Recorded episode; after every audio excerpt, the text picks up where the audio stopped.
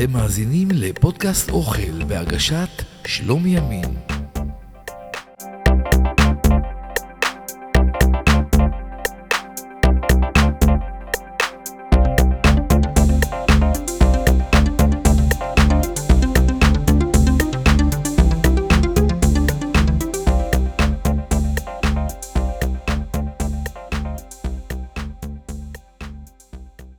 הייתה בשכונה שהייתה נטועה בין פרדסים עצומים ורבים. המשחקים שלנו היו בפרדס, בקיץ ובחורף. השבילים הארוכים, הפירות העסיסיים, העלים הירוקים, האדמה הרכה ו... והריח, הריח המדהים שמתעצם בתחילתו של הסתיו, עת מתכונן הפרדס לייצר לנו את הפירות הטעימים והמדהימים. אלפי פלאים קטנים תלויים על עץ ומתמלאים במיץ הטעים והבלתי נשכח. היום לצערי לא נשאר כלום מהפרדסים האלה. השכונה הירוקה בכפר סבא בלעה את פרדסי ילדותי, אך לא את זיכרונותיי כמובן. שמלות של בטון ועליהם מאות בתים וכבישים שמחברים ביניהם. הפרדס חי בתוך ראשי, וחלק מהסיפורים בספר החדש שלי שיוצא, שיצא כבר אה, בימים האחרונים, קוראים בפרדס. אהלן אהלן לכל מאזיני פודקאסט אוכל היקרים. היום אנחנו בפרק מיוחד מיוחד מיוחד. עצרתי את הנושא של עדות ישראל והכנתי לכם פרק שכולו פירות הדר לכבוד החורף שהתחיל. חורף מבחינת לוח השנה בכל אופן, כי גשם אנחנו לא כל כך רואים. המלחמה עדיין ברקע, ואני בהחלט לא מתעלם ממנה ומקווה בכל ליבי שהכל יסתיים בקרוב ויהיו לנו שקט ושלווה עד אין קץ. ובינתיים, פרק 33 של פודקאסט אוכל קורה ומתהווה ברגעים אלה, ושמו פירות הדר. ואנחנו יוצאים לדרך עם הפודקאסט, עם הפרק. לי קוראים שלומי ימין, ואני מאחל לכולנו האזנה ערבה וטעימה. הדרים הם סוג עצים ירוקי עד ומניבי פרי ממשפחת הפיגמים. פרי ההדר מתאפיין בשתי קליפות צבעוניות, בדרך כלל בצבעי צהוב או כתום. בפרי בין 10 ל-20 פלחים המכילים בקבוקוני מיץ ועטופים בקליפה דקה. הגרעינים קרובים למרכז הפרי. טעמם של פירות ההדרים נע בדרך כלל בין מתוק לחמוץ והם מכילים מיץ רב. כשפירות ההדר אינם בשלים, טעמם חמוץ ומר. שמו המדעי של טיפוס הפרי הוא הספרידיום, שהוא מין ענבה והוא ייחודי לענף במשפחת הפיגמאים. הפלונואידים הם פיטרוכימיקלים המצויים במספר מיני ירקות, פירות, תה, יין אדום וכמובן בפרי ההדר. יש להם שלל תכונות מועילות כמו יכולת אנטי-ויראלית, אנטי-בקטריאלית ואנטי-דלקתית. יש מהם שהינם בעלי תכונות נוגדות סרטן ואירוע מוחי. מתברר שהם עוזרים גם להורדת משקל עודף. יש לציין שפרי הדח ששוכב בקירור של רשתות השיווק מאבד הרבה מאוד מהיכולת שלו לרפא ולהועיל בצורה רפואית, מה שכן נמצא בפרי טרי. הרכיב התזונתי המזוהה ביותר עם פירות ההדר הוא ויטמין C כמובן כמו שאנחנו תמיד יודעים, שנים שנים מספרים לנו את זה. אני זוכר בשנות ה-80, בתחילת החורף, התחילו קמפיינים בטלוויזיה של תשדירי שירות קראו להם אז, שוויטמין C זה דבר בריא וכזה זה, וצריך עוד תפוז ועוד לימון ועוד קלמנטינה, וכל הזמן סיפרו לנו כמה שאנחנו צריכים ויטמין C. ויטמין C בשמו האחר הוא חומצה אסקורבית, השם שמופיע בדרך כלל על אריזות של מוצרי מזון שונים. אולי זה יפתיע אתכם, אבל למרות כל מה שאמרתי, תפוזים ממש אינם נמצאים בראש הרשימה של תכולת ויטמין C. לשם ההשוואה, תכולת ויטמין C ב-100 גרם של פלפל אדום 190 מיליגרם, בקיווי יש 100 מיליגרם, תות שדה 60 מיליגרם, ובתפוז, כן, 53 מיליגרם בלבד. בניגוד לאמונה הרווחת, לא נראה שוויטמין C מונע הצטננות ושפעת, אלא במקרים של מחסור, והם די נדירים בימינו. אך בחלק מהמחקרים דווח כי צריכתו תרמה לקיצור משך המחלה ולירידה בחומרתה. פירות ההדר הם יותר מוויטמין C כמובן. הם מכילים מגוון רחב של רכיבים תזונתיים, ויטמינים מקבוצת B, ביניהם חומצה פולית B6, B3, B2, B1, B9, מינרלים כמו אשלגן, סידן, זרחן, מגנזיום, נחושת, פיטרוכימיקלים כמו שאמרנו וסיבים תזונתיים. כל אלה חשובים לתפקוד תקין של המערכות השונות בגוף. ועדיין, לא שאנחנו צריכים לאכול רק תפוזים כל היום, אם כי הם מועילים כשאנחנו אוכלים אותם בחורף. ויטמין C רגיש לאור ולחום, ולכן גם מיצים סחוטים טריים החשופים לאור יספקו לנו פחות מהוויטמין הזה. ההמלצה היא להעדיף פירות וירקות בשלמותם על פני המיצים שלהם. בנוסף לכך, בשתיית מיץ אנו מאבדים את הסיבים התזונתיים, המהווים חלק חשוב בכל פרי, ובמיוחד בפרי ההדר, המהווים מקור טוב לסיבים תזונתיים. סיבים תזונתיים אינם מתעכלים על ידי מערכת העיכול, אך עוברים בצינור העיכול ותורמים לבריאות. ועוד מחקר שהתפרסם אה, בז'ורנל המקצועי Diabetes, נמצא שפלבונואידים של הדרים עוזרים לכבד לפרק שומנים מיותרים בגוף. קבוצת חוקרים בארצות הברית, במכון המחקר על שם רוברטס באוניברסיטת ווסטרן באונטריו, בדקו את התכונות של נרינגנין, פלבונואיד המצוי בפירות ההדר. הם ערכו ניסוי עם בעלי חיים שקיבלו את התפריט המערבי הטיפוסי הגורם לסינדרום מטאבולי, השמנה, יתר לחץ דם ועלייה ברמת הכולסטרול ושומני בדם. חלקם קיבלו את התפריט הזה בלבד, ואחרים קיבלו את אותו התפריט אבל עם תוספת של נריגינין. תוצאות המחקר היו שנריגינין הוריד את רמות הטריגליסרידים והכולסטרול עד לרמה נורמלית ומנע התפתחות של עמידות לאינסולין. עצי הדר לוחים להרכבה. ניתן להרכיב זנים שונים של הדרים באותו עץ, כך שענף אחד יניב פרי הדר אחד וענף אחר יניב פרי הדר אחר. גובהו של כל עץ נע בין חמישה לחמישה עשר מטרים. אני לא כל כך בטוח שאני זוכר שראיתי עצים בגובה של חמישה עשר מטרים. כל החיים שלי גדלתי סביב פרדסים, כמו שאמרתי, אבל אני מאמין שזה מגיע בממוצע בארץ לשמונה מטרים בערך, משהו כזה. מטעי העדרים, כמובן, נקראים פרדסים. הפירות שימשו ונחגגו לאורך ההיסטוריה בזכות טעמם הטרי והשמנים הארומטיים שלהם. אתם יודעים, הקליפה שלהם עמוסה בשמנים שכשאתם מועכים את הקליפה, יוצא ממנה ריח מדהים. פעם היינו אה, לוקחים קליפת תפוז, מקרבים אותה לנר ולוחצים. ומהשמן שניתז מה, מהקליפה נוצר ריח מדהים בחדר. הם נחשבו לסמל של צניעות ביפן, פוריות במזרח התיכון ומזל טוב בסין. הם ניתנו לעיתים קרובות כמתנות במהלך חג המולד והשנה החדשה ונחשבו במידה רבה לפרי קינוח.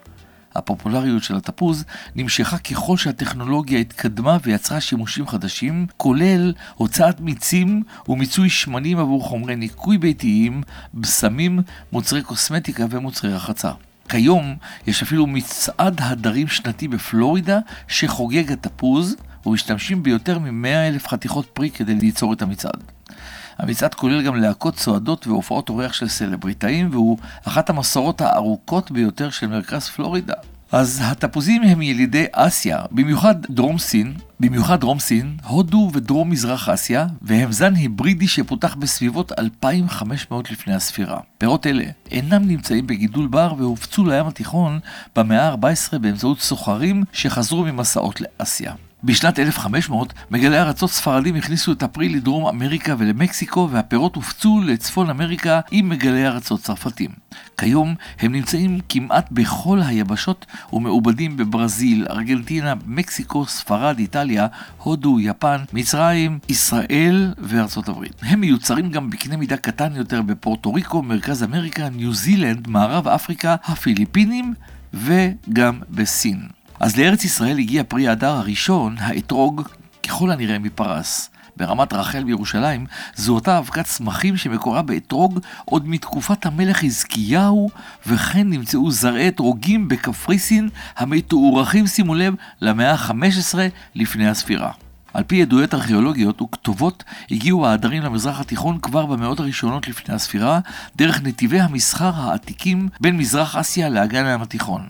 היהודים שאימצו את האתרוג כחלק מהפולחן הדתי, והערבים שהקימו אימפריה שחלשה במשך מאות שנים על שטחים נרחבים, נחשבים כמי שתרמו להפצת חקלאות ההדר והשימוש הקולינרי בפירותיו. תפוז השמוטי, מוטציה שהתגלתה בפרדסי יפו בשלהי המאה ה-19 ושווקה תחת השם תפוז יפו. התפוז הזה זכה למוניטין בינלאומי והפך לאחד מסמליו הראשונים של המטבח הישראלי. השימוש הנרחב בעדרים מתבטא לא רק בשימוש בציפת הפרי ובמיץ המופק ממנה, אלא גם בחלקים נוספים של העץ, ביניהם הגזע, העלים והפריחה. שימוש מלא, מינימום בזבוז. העדויות הארכיאולוגיות הראשונות לנוכחות העדרים במזרח התיכון נמצאו באזור רמת רחל ליד ירושלים, ובאזור קרתגו שבצפון אפריקה. לנדידת חומרי הגלם והמזונות אחראים סוחרים שנעו בדרכי המסחר העתיקות וצבאות לוחמים, ביניהם גם צבאו של אלכסנדר הגדול. מכתבי המסע הצבאי מתוארת פרס כמרכז של גידול הדרים, ונתיבי המסחר ששיפרו הכובשים אפשרו מעבר מסודר יותר של תבלינים ומיני מזונות לחבלי ארץ שונים בעולם ההליניסטי. תחת השלטון הרומאי הפכו ההדרים, ובראשם האתרוג, לנפוצים יותר. עדויות על גידול ושימוש בפירות ההדר, ביניהם לימונים, וככל הנראה גם תפוזים, מופיעות בכל רחבי האימפריה, מרומא עצמה עד לאזורי הספר במצרים. האימפריה המוסלמית, שמרכזה בבגדד, שאבה השפעות ברורות מהמסורות הקולינריות הפרסיות והביזנטיות. בחצר החליפות המוסלמית בבגדד התפתחה תרבות קולינרית עשירה שכללה סעודות פאר אגדתיות, אשר הצבעים והניחוחות ועומק הטעמים העידו על מעמדם ועל ממונם של אורחי הסעודות החגיגיות. בספרות המטבח של החליפות העבאסית, בין המאות השמינית לתשיעית לספירה, אפשר למצוא מספר לא מבוטל של מתכונים שעושים שימוש בהדרים והסברים על מינים שונים ושילובם במטבח. אחד הדברים הבולטים ביותר הוא השימוש בכל חלקי ההדרים, מהמיץ ועד לעלים. ממיץ ההדרים מכינים לימונדה מחיית נפשות ומטבלים אותה בדבש, את הפירות עצמם מחמיצים, כובשים, מתסיסים והופכים לריבות. בגרידת הקליפה משתמשים בין היתר כמרכיב בהכנת נקניקים, כן, ובעלי ההדר משתמשים למבחר תבשילי בשר ודגים, משהו שמזכיר קצת את עלי הדפנה, כמו שאנחנו מכירים אותם היום. אה, אבל על האוכל נדבר בהמשך. לשם ההמחשה, רק אתן כאן שמות שונים לתפוז. כן, תפוז שהוא אחד מתוך כל המשפחה הגדולה של העדרים, תראו כמה סוגים יש לו. אז יש תפוז דם, יש סטגודי, יש ג'מבו, יש נבל שוקולד, יש לימה, יש טמפל, יש טבור כתום, ולנסיה, ווסט אפריקן, דקופון, ברגומונט, קרה קרה, וושינגטון, נבל, סביליה, סטסהומה. חקלאים ואגרונומים של האימפריה המוסלמית פיתחו במשך מאות שנים שיטות חדשות להשקיה ולשתילה. שכלול שיטות העיבוד תרם להפצת חקלאות העדרים באזורים אליהם התפשטה האימפריה המוסלמית, כולל צפון אפריקה ודרום מזרח איטליה וספרד. מקור שמו של האתרוג בעברית הוא בשמו הפרסי טירינג'. המושג הדר קדם להגעת האתרוג לארץ ישראל ומקורו בפסוק שמתייחס למצוות ארבעת המינים ולקחתם לכם ביום הראשון פרי עץ הדר, כפות מרים וענף עץ אבות וערבי נחל. ויקרא כ"ג. את תחילת דרכו של הפרדס נתחיל דווקא משנת 1890, 14 שנים לפני נטיעת העץ הראשון בפרדס. שמואל חנקין, אחד מעמודי התווך אשר עסקו ברכישת קרקעות בארץ ישראל לטובת יישובים חלוציים בארץ המובטחת, רוכש אדמות בשטח הכולל של כעשרת אלפים דונם לשם הקמת המושבה רחובות. המושבה תוכננה להקמת משקי חקלאות וגידולי פירות וירקות לפרנסת המתיישבים, ואכן זה קרה. בתי המשק הראשונים שהוקמו החלו בגידול עיקרי של גפנים, שקדים, חרובים ואף ירקות נוספים. לאחר ניסיונות רבים וכישלונות ברמה דומה, החליטו המתיישבים לנסות כיוון אחר ולנסות את מזלם עם גידולי הדרים. כעבור מספר שנים בשנת 1904 הגיעו למושבת ההדרים רחובות זלמן מינקוב, חלוץ בעל שאיפות חקלאיות גבוהות, והחליט להפריח את המרחבים הסמוכים לעיר על ידי נטיעת פרדסים, שכן ראה את הפוטנציאל הרב בפיתוח הענף הזה. מינקוב זימן מומחים אשר נועדו לספר לו היכן מומלץ להקים את לב הפרדס. לאחר מספר שבועות הצביעו המומחים את שטח הפרדס על גבעת כורכר הנמצאת צפונית למושבה רחובות. אנשיו של זלמן החלו בבניית המתחם אשר סביבו ינטעו כל עצי הפרדס המיוחל. במקביל לבניית המתחם החלו בנטיעת עצי פרי על שטח המונה כמאה דונם. לשם כך הכשירו את האדמה, יצרו תעלות השקיה בין שורות השתילים הצעירים וחברו אל התעלה הראשית שהחלה בבריכת מאגר גדולה. גידולים חקלאיים צורכים מי השקיה כמובן, וגידולי עצי הדר ופרדסים אף יותר. ומאיפה המים בעצם? הדרך המקובלת באותה תקופה להשגת מים הייתה חפירת באר. מינקוב אשר נעזר אין ספור פעמים באנשים מומחים לשם הקמת פרדסו, הביא לשם חפירות הבאר מספר מומחים לתחום, אשר סיפקו לו את המקום המדויק לדבריהם לחפירת באר המים. לאחר קביעת המקום, החלו אנשיו של מינקרוב לחפור את הבאר, חפרו חמישה מטרים, חפרו עשרה מטרים ואף חמישה עשר מטרים, ואין טיפת מים באדמה. זלמן, שלא הבין את פשר התקלה, זימן שוב את אותם המומחים לפתרון הבעיה. המומחים בחנו היטב את תוואי השטח וקבעו חד משמעית שחוסר במים נובע משום שגובה הגבעה מעל פני הסביבה וסוג האדמה, כורכר, אשר מכסה היטב את מקור המים השוכן במעמקים. בעקבות ממצאים אלו, החליטו להורות על המשך חפירות הבאר לעומקה על מנת לחשוף את נקודת מי התהום לשם שאיבתם. אנשיו של מינקוב המשיכו את חפירתם והגיעו לעומק המונה כ-20 מטרים. בעקבות העומק הרב, נאלצו החופרים להרחיב את פי הבאר עד לקוטר המונה 6 מטרים. זאת על מנת למנוע התמוטטות של דפנות לתוכה. ובכן, לאחר מספר ימים של חפירה מאומצת לעומק 25 מטרים בבטן האדמה, הצליחו אנשיו של מינקוב להגיע למי התהום אשר אליהם שאפו כל כך, והשמחה הייתה גדולה. וכיום, כיום פרדס מינקוב שוחזר בצורה מופלאה, המקום פתוח לקהל הרחב ומהווה כאתר ביקור ולימוד לכמויות גדולות של תלמידי בית הספר וגנים במהלך כל השבוע. מפעם לפעם מתקיימים במקום חוגים למבוגרים, אירועים פרטיים ומוסדיים ועוד. המבקרים במקום יזכו לטעום מההוואי המקומי שהיה נהוג בימי המדינה הצעירה, בדרכי גידול פירות ההדר, הסכנות שהיו מסביב, שיתוף הפעולה והעבודה העברית. איך מגיעים לשם? אז המתחם שוכן בצמוד לחלקו האחורי של מכון ויצמן. ההגעה למקום מתאפשרת מרחוב הרצל ברחובות. בכניסה לחניון הרכבת ממשיכים ישר עם הכביש עד להגעה למוזיאון. עם העדרים נמנים התפוז, הלימון, האשכולית, המנדרינה, הקלמנטינה, האתרוג, הפומלה, הפומלית, התפוזינה ועוד ועוד רבים אחרים. במקור היו ארבעה מינים בלבד של הדרים, פומלה, אתרוג, מנדרינה ופפדה. הם צמחו בדרום מזרח אסיה, באזור סין והודו, ומשם הועברו אל המזרח התיכון, אירופה ואמריקה, כמו שאמרנו בהתחלה. שאר מיני הדרים נוצרו על ידי החלאה טבעית או מלאכותית של מינים שונים עם מינים אחרים. כך למשל התפוז הוא החלאה של פומלה ומנדרינה. האשכולית שנתגלתה לראשונה במאה ה-18 באיי ברבדוס היא החלאה בין פומלה ותפוז. הלימון למרות ששיערו שהוא נוצר כתוצאה מהחלאה של אתרוג עם ליים, בניתוח גנטי מתברר שהוא צאצא של אתרוג וחושחש. הקלמנטינה היא החלאה של מנדרינה ותפוז, הקלמנטינה היא החלאה של מנדרינה ותפוז. האגדה מספרת כי פותחה בידי מפיץ הנצרות באלג'יר, האב קלמן רודיה. אולם חוקרים והיסטוריוני מזון מאידך סבורים שחלקו של קלמן רודיה היה רק בגילוי הפרי ובפרסומו בעולם, ולמעשה ההחלאה בין הזנים האלה נעשתה ללא התערבות אנושית. לאחר הקמת המדינה הפכה הפרדסנות לאחד הענפים החקלאיים הראשיים במשק הישראלי, ופירות ההדר היו למרכיב חשוב ביותר ביצוא לאירופה ובכלכלה המתפתחת. בארץ מתאימים לגידול ההדרים קרקעות החמרה בשרון, אך פרדסי ישראל משתרעים מצפון הארץ ועד לדרומה. פירות ההדר נוספים שמקורם אינו בישראל עברו איקלום לתנאי הארץ והחלו לתת פריים.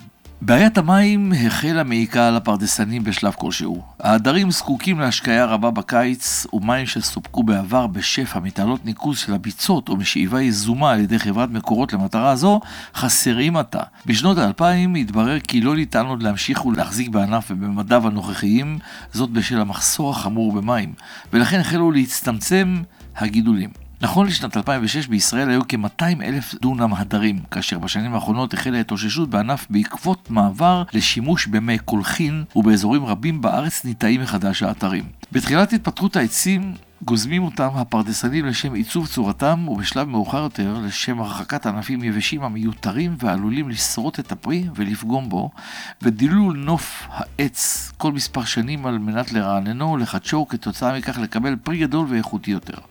טיפולים נוספים בפרדס הם הדברת העשבייה בתקופת הקיץ באמצעות ריסוס במרסס מוט או מרסס רובים, כיסוח העשבייה, תיכרוח האדמה וריסוק הגזם לאחר עבודת הגיזום. היום העיבודים האלה נעשים באמצעות טרקטור הרתום לכלים השונים על פי הצורך בכסחת, מתחחת, מרסקת גזם, מרססים שונים וכדומה.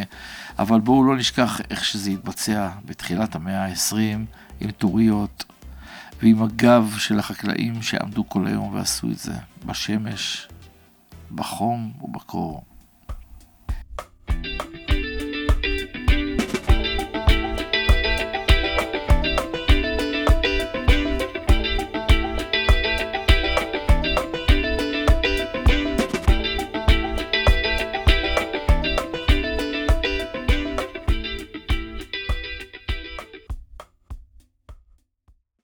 והרי אנחנו יודעים שהתכנסנו לפודקאסט הזה כדי לדבר על אוכל, גם על אוכל. אז סיפרנו קצת אה, כל מיני דברים על ההיסטוריה של התפוז ופרי האדר בכלל, והנה אנחנו מגיעים אל מה אפשר לעשות עם פירות האדר בקשר לאוכל. אז אחת המנות הבולטות ביותר במטבח הערבי של ימי הביניים היא הסיקבאג'. סיקבאג' הוא מונח שמקורו בשפה הפרסית, עדות להשפעתו הכבירה של המטבח הנהדר הזה על המטבח הערבי, ודרכו של המטבח הערבי שמשמעותו תבשיל שמכינים עם חומץ. סיק, חומץ, באג', תבשיל. אגב, חוקרים סבורים שמקורה של המילה אסקבצ'ה היא באותה המילה הפרסית עתיקת היומין סיקבץ', ויש גם הטוענים שמנות הסיקבץ' שהוגשו קרות ולפיכך נוצר בהם ג'לטין, השאילו את שמן גם למונח אספיק, שהוא מקפד ג'לטיני למעשה. בספרי בישול עתיקים השתמרו עשרות מתכונים של תבשילי סיקבץ' עשויים בשר טלה, גדי או דגים ומבושלים עם חומץ ועם משלימו בעולם העתיק, דבש או דבש פירות. הטעם החמוץ מתוק היה פופולרי במיוחד במטבח הערבי של ימי הביניים. ברבים מאותם המתכונים מופיעים עלי העדרים, לימון, אתרוג או תפוז בתבשילי הסיקבץ', כמו שאמרתי בהתחלה, כמו עלי הדפנה שאנחנו משתמשים בה היום. הם מתאימים יותר ליישומים גולמיים ומבושלים כאחד, אך מוצגים לראווה כאשר משתמשים בהם טרי. ניתן בקלות לקלף את הפרי, לפלח אותו ולהגיש אותו כחטיף עצמאי ובריא. או לזרוק אותו לסלטים ירוקים, סלטי פירות וכוסות פירות. המיץ נמצא גם בשימוש נפוץ וניתן לצרוך אותו טרי בשייקים, קוקטיילים, מרקים וג'ילטינים. בנוסף להכנות מלוכות, מיץ תפוזים יכול לשמש גם לטעם בעוגות, מאפינס, עוגיות, גרנולה, משקאות קלים וממתקים. ניתן להשתמש בגרידת התפוז כדי להוסיף טעם לבשרים, לדגים ולמוקפצים. בדרום אמריקה, הפירות מבושלים במים ממותקים ויוצקים על טוסט ליצירת מרק ייחודי. הם משתלבים היטב עם תותים, אננס, ענבים, אגוזי מלך, אגוזי פקן, בלסמי בהיר, קייל, גזר, שומר וסלק. תפוחי אדמה, דלעת חורף, קינמון, כמון, ג'ינג'ר, בצל, שום, דגים כגון סלמון, טונה, ובשר כגון עופות, ברווז, אווז, מולרד, בקר ובשר חזיר. בקליפות התפוז ניתן לעשות ריבה. את העדרים ירבו לשלב במתכוני הבשר כדי ליצור תבשילים קלים יותר שלא יכבידו על העיכול. בתקופה בה הייתה תזונה חלק בלתי נפרד ממדע הרפואה, האמינו רופאי התקופה שההדרים מחזקים את מערכת העיכול ומסייעים לגוף להתמודד עם ארוחות עשירות וכבדות. סגולות רפואיות נוספות שיוחסו להדרים היו רענון ריח הפה וטיפול בכאבי ראש, בחילה, סחרחורות, חום ושלשול. מזווה העדרים העשיר שהתפתח בימי הביניים נולד כתוצאה מהצורך לשמר מזון מחוץ לעונתו בעידן שלא היו בו עדיין אמצעי קירור מתוחכמים. אבל גם כי מיץ העדרים מצומצם ומיובש, גרידת קליפה מיובשת, זרעים ומיני מרקחות ככבושות במלח, סוכר או חומץ ששולבו בשיקויים רפואיים. במצרים של המאה ה-19 נכתב ספר שהוקדש כולו לסגולותיו הרפואיות של הלימון. ספר שלם. יש כנראה מאות ויותר שימושים בתוך מנות שונות עם פרי הדר. ואם נמנה כאן שמות של מאכלים, נצטרך לעשות עשרה פרקים. אבל אי אפשר לגמרי בלי, ונתחיל עם סלט חביב וקליל. סלט פירות הדר עם אורוגולה וריקוטה. רכיבים לבין 4 ל-6 מנות. 5 כפיות חומץ בלסמי, 2 כפיות שמן זית, חצי בצל סגול חתוך לריבועים קטנים, שני תפוזים אדומים מקולפים ללא חלק הלבן והגלעינים חצויים לפלחים. חצי אשכולית מקולפת ללא חלק הלבן והגלעינים חצויה לפלחים. אחד קלמנטינה מקולפת ללא חלק הלבן והגלעינים חצויה לפלחים. צרור עלי נענה קצוצים גס, שלוש כוסות אורגולה, שתי כפיות פיסטוקים קצוצים גס, מלח ופלפל לפי הטעם, ושתי כפות גבינת ריקוטה. מזגו לקערה שלוש כפיות חומץ בלסמי ואת הבצל ואשרו למשך 15 דקות. סננו את החומץ החוצה. סדרו את פירות ההדר במסגרת יפה וצבעונית על צלחת גדולה וקשטו אותם בנענה, פיסטוקים והבצל הסגול שאושרה. ערבבו בקערה נפרדת שתי כפיות חומץ, עלי אורוגולה, שמן זית, מלח ופלפל. ערמו את הסלט במרכז הצלחת בה סידרתם יפה את הפירות, פזרו מעל את הריקוטה והגישו. אין אחד שלא יגיד לכם שזה טעים. ועוד אה, מתכון שיש בו תפוז, מרק דלעת ותפוז ופרמיז'ן.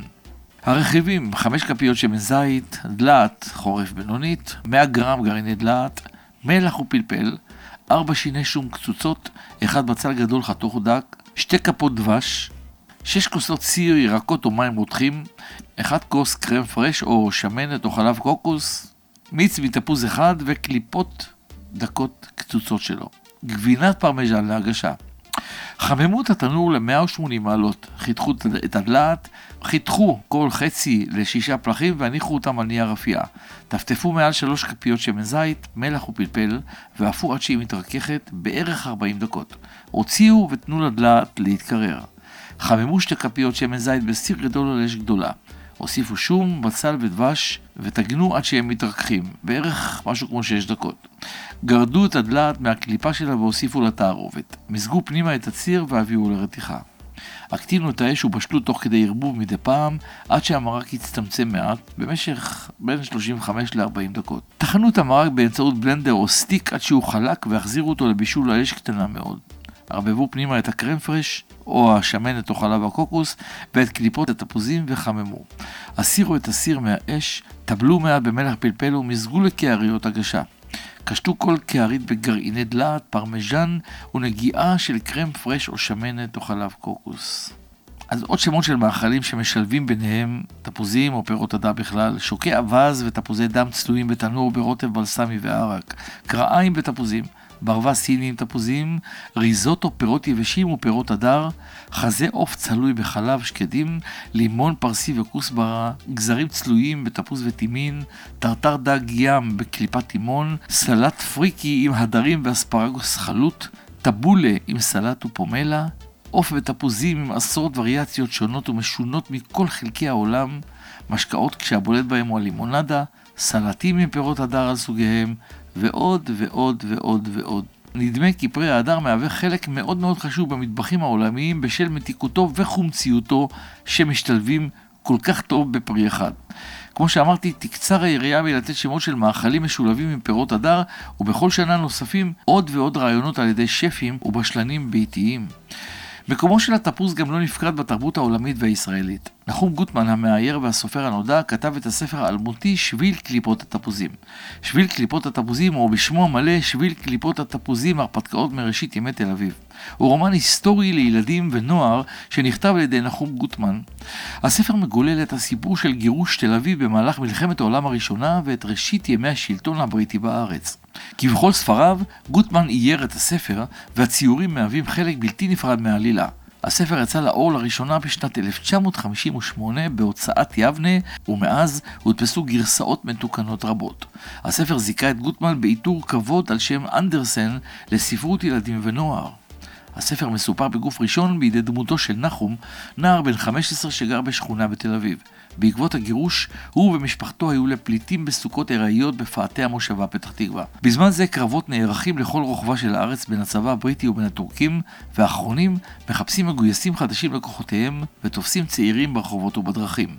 בהפצרת צוותו, נחום בורח דרך הפרדסים כדי שלא יגויס. במהלך הבריחה, נחום נפגש בנער נוסף, אלמוני עד סוף הספר, שצריך להגיע לתל אביב לרגל שליחות חשובה ביותר.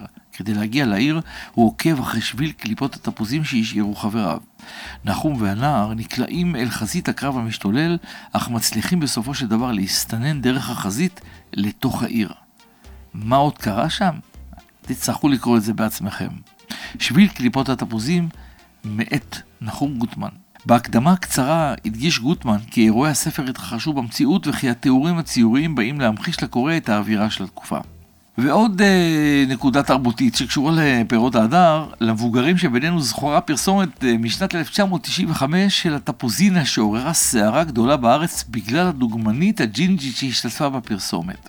פרסומת שעבדה כל כך חזק עד שהיא לא רק החדירה את המותג תפוזינה לשווקים, היא גם שלחה אלפי בחורות למספרה. לפעמים הסוד הוא בפשטות. בחורה מדהימה, דוגמנית ההולנדית, הלנד הידינג, שהייתה לבושה במכנסוני ג'ינס קצרים וגופייה לבנה, פלוס שני ערסים מבסוטים, פלוס שלושה כבאים עם זרנוק מוכן לגופייה רטובה והמון בז. אי אפשר היה להיות בוטה יותר, ישיר יותר וקשור פחות למוצר. אה, כן, היא הייתה ג'ינג'ית כמו שאמרתי, ואחריה, חודשים רבים, לפחות 80% מהאנשים שהסתובבו ברחוב היו ג'ינג'יות. קח עוד תפוז. אתה יודע למה. אשכוליות או לא להיות. נגמרו הקלמנטינות ולימון מוסיף המון. אלו רק חלק מתשדירי העבר שמכרו לנו פירות הדר כדי שנהיה בריאים, וכידוע כדי לצרוך כמות של ויטמין C יומית, אנחנו צריכים לשתות כמה קילו תפוזים ביום. אבל אז תהיה לנו בעיה אחרת במערכת העיכול. כך או כך, צריכת פירות ההדר מומלצת ביותר בכל זמן אפשרי ובכל צורה אפשרית, כי זה טעים, וזה כיף, ונכון, זה גם קצת בריא. פנקו את הגוף שלכם ואת הנשמה באכילת פירות ההדר, ולא, אין לי קשר לפו, למועצת פירות הדר. אז אני אספר גם שאני כילד, אה, מעבר לפרדסים שהיו מסביב לשכונה שבה גדלנו בכפר סבא בשיקום ותיקים, אני עצמי גדלתי אצל הסבתא שלי, שהייתה לה חצר מאחורה. היו שם עצים כמעט מכל סוג, ובעיקר עצי הדר. שאנחנו עשינו להם גומות עם טוריה, וצבענו את הגזע שלהם בצבע בסיד לבן, והשקינו, והוצאנו יבלית, ונהנינו מהתפוזים שגדלו בחצר.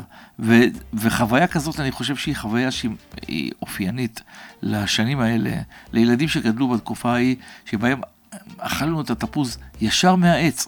אני שנים רבות לקח לי להבין ש, שאנשים צריכים לקנות תפוז ב, ב, בחנות ירקות או במכולת או איפה שלא יהיה, כי אנחנו לא קנינו בחיים תפוזים, אנחנו אכלנו אותם ישר מהעץ בפרדסים. זה מה שהיה בשנים האלה. אז בפרק זה נגענו לדעתי בפחות מ-50% ממה שאפשר לגעת בו, וגדולה היריעה או רחבה עוד יותר. ואני שמתי את קצה המזלג על ערימה גבוהה של נושא גדול וטעים, ומקווה שזה פתח לכם תיאבון להיכנס עוד יותר לעומקים ולשלב את פירות ההדר במטבח שלכם. אני גם מקווה שנהניתם מהפרק לפחות כמו שאני נהניתי להכין אותו ולהגיש לכם אותו. אנחנו ניפגש בעוד פרק מעניין וטעים, ובינתיים, אם נהניתם, אתם מוזמנים להמליץ לכל העולם, וכמובן גם לדרג את הפודקאסט בספוטיפיי, כי איך, אני, איך, איך אנחנו נגיע ל, לעוד מאזינים, איך נתפשט בכל מקום, באמצעות הדירוג שלכם, אה, מאזינים יקרים, בספוטיפיי, ובאמצעות אה, תגובות, שאני מאוד מאוד מאוד אשמח אה, אם תשלחו לי למייל שלום.ימין שטרודל ג'ימל.קום.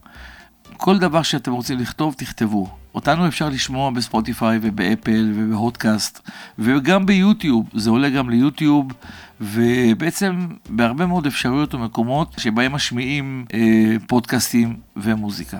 ועד לפעם הבאה, אני מאחל לכם שיהיה לכם כרגיל טעים ומעניין ושמח ובריא, ואנחנו, ואני מאחל לכולנו שיגיעו ימים שקטים ושתיגמר המלחמה הזאת שיושבת לנו אה, על הלב ועל הראש ועל כל, ועל, על, על הכל, על כל מה שמסביבנו.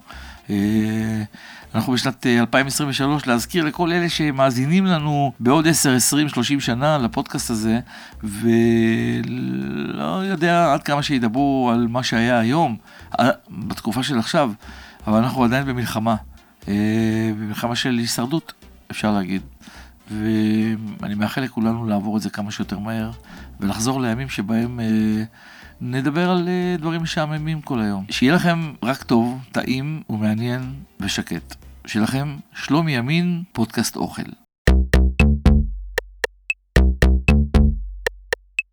אתם מאזינים לפודקאסט אוכל בהגשת שלום ימין.